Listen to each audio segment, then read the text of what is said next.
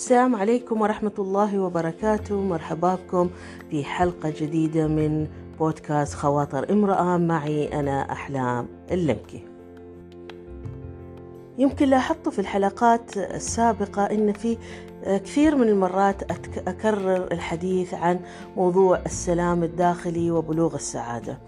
ليش هذا الموضوع كثير ياخذ حيز من البودكاست؟ لأن حسيت من خلال تجارب الحياتية وسواء كان على الصعيد الشخصي أو المهني أنه كل ما نحن نقوم فيه أو سواء كان من اجتهاد في الأسرة أو في العمل أو كذا إذا لم نشعر بذلك السلام الداخلي ولم نشعر بالسعادة فلا جدوى من ما نقوم به لأن هذا هو المفروض أن يكون هدفنا أن نحن نستمتع بتفاصيل حياتنا بما يرضي الله سبحانه وتعالى. دائما نحن كبشر في تحديات إن نحاول إن نكون الأفضل نحاول إن نغير حياتنا سواء كانت الشخصية أو المهنية بالذات آه، بحكم اني امرأة عاملة إنه نسعى إن نطور في في عملنا نحاول إن نشوف فرص عمل أفضل تحسين الدخل وما ذلك الارتقاء في آه، الوظيفة وغير ذلك. هذه الأمور كلها أحيانا تدخلنا في نوع من التوتر اليومي في إثبات الذات وإثبات أنفسنا أمام الآخرين إن نحن آه، الأفضل وإحنا الأجدر وإن نستحق ما نحن نطمح إليه. عشان كذا يمكن تلاحظون في الحلقات الأخيرة كنت أتحدث عن موضوع التسويف وكيف أن نحن نركز على الحلول بدال التركيز على المشكلة. ومن ثم تحدثت في الحلقة الأخيرة الماضية عن أن كيف نحن آه، ما نجلد ذاتنا بشكل كبير ونرفق بأنفسنا في رحلة تطوير أنفسنا نحو الأفضل. وأنا أفكر في موضوع حلقة اليوم توارد آه، في ذهني موضوع حلقتنا اليوم اللي هو القبول والموافقة. آه، ربما اختياري لهذا الموضوع هو إحساسي أنه أحيانا ربما القارئ أو المستمع آه، في أو الباحث في قضايا تطوير الذات قد يحصل عنده لبس ما بين القبول والموافقة. دائما ك life coaches نحن نقول إنه الإنسان لابد إنه يحلل واقعه يعرف وين هو موجود أساس يعرف مواطن التحسين ومن ثم يضع خطة للتغيير للافضل وجزء كبير من هذا التحليل الواقع إنه الناس يعني دائما نقول للعميل إنه لازم تتقبل الواقع اللي أنت آه، تعيشه تقبل الواقع يعني من ناحية إن هذه هي ظروفك آه، هذه هي إمكاناتك وقدراتك هذه هي مواهبك آه، اللي عندك. هذه هي مثلا التحديات اللي بتواجهك في بيئة العمل أو تواجهك على الصعيد الأسري.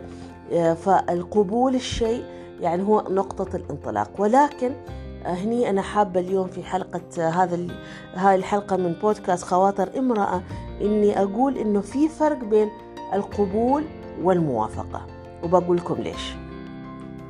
عندما نقول تقبل واقعك تقبل نعم الله عليك تقبل التحديات اللي أنت تواجهها سواء كان على الصعيد الشخصي أو المالي أو المهني أو أي مجال أنت حابب تطور نفسك فيه هذا مهم عشان أنت تنتبه لحدود القدرات أو الواقع اللي أنت راح تنطلق منه في اتجاه تطوير نفسك. لما تعرف المعوقات اللي ممكن تواجهك أو التحديات اللي ممكن تقف عائق أمام تقدمك هذا يخليك إن عندك آه، يعني صورة واضحة لنقطة الانطلاق وبالتالي تكون قادر على وضع يعني تغييرات أو إدخال تغييرات بسيطة في حياتك لتغيير حياتك للأفضل.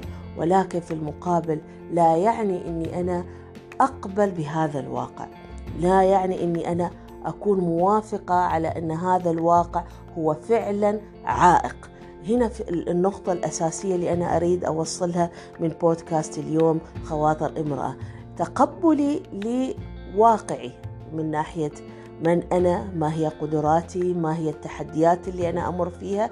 لا يعني أنني أوافق عليها وأتعايش معها بطريقة سلبية. بالعكس المفروض أن هذه المعطيات هي نقطة لتحليل البيئة المحيطة فيها سواء داخليا أو خارجيا لمعرفة مواطن التحسين. مش معناته أني أنا أتقبل الواقع هذا بالموافقة أنه هذه كل الأشياء آه، هي واقع لا يمكن تغييره. بالعكس هناك دائما فرصة للتغيير وتطوير الذات ويعني آه، الارتقاء بأنفسنا إلى الأفضل. ليش حبيت أني أركز على هاي النقطة؟ التفرقة ما بين القبول والموافقة لأن هناك بعض الأفراد عندهم عقلية دائما أن هو المظلوم وأنه ما عنده حظ في الحياة وأنه آه يعني ظروف كلها ضده فبالتالي يتقاعس آه ويبرمج ذهنه أنه هو آه ما ممكن يتغير ولازم يتعايش مع الواقع اللي هو فيه. في حين أنه بالإمكان أن الواحد يجتهد بتغييرات لو بسيطة لتغيير حياته إلى الأفضل. بس لازم يكون يعني ياخذ بالأسباب.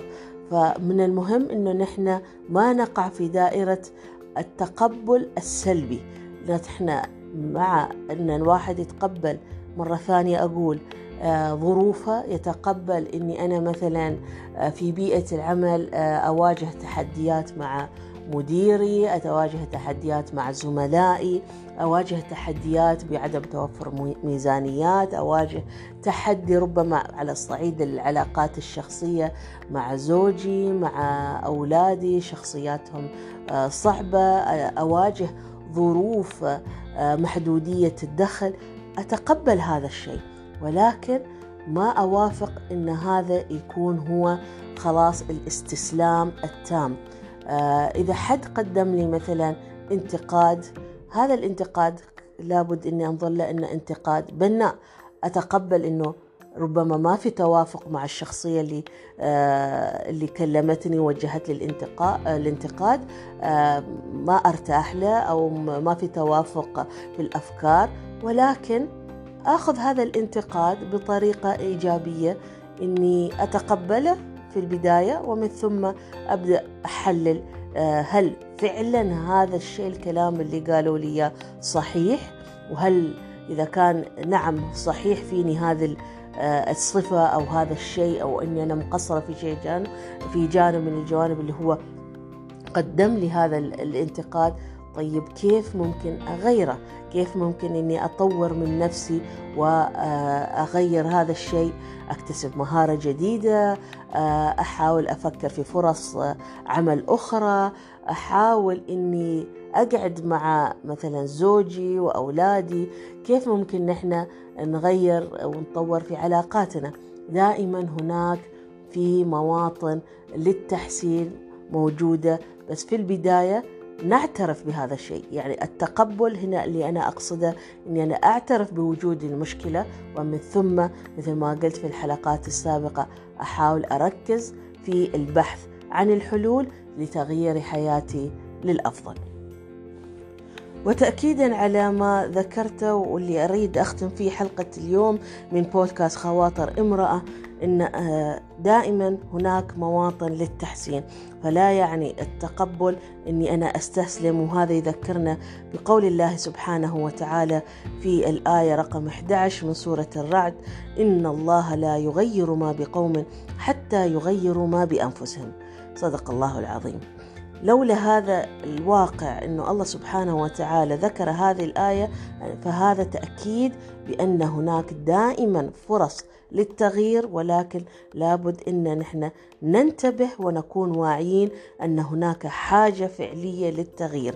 إذا أدركنا هذا الشيء من خلال تقبل المشكلة اللي أنا أمر فيها إن هذا تحدي إن هذا اختبار إن هذا ابتلاء مرحلة مؤقتة. إذا تقبلت هذا الشيء أقدر إني أنا أركز وأبحث عن الحلول وأدور على النقاط الصغيرة البسيطة اللي ممكن أغيرها في روتين حياتي اليومية اللي على المدى البعيد راح توصلني إلى التغيير الأكبر والأعظم للأفضل في جميع علاقاتي. هذا كان موضوع حلقة اليوم من بودكاست خواطر امرأة وأتمنى أن نالت حلقة اليوم استحسانكم وألتقيكم في حلقة جديدة من بودكاست خواطر امرأة.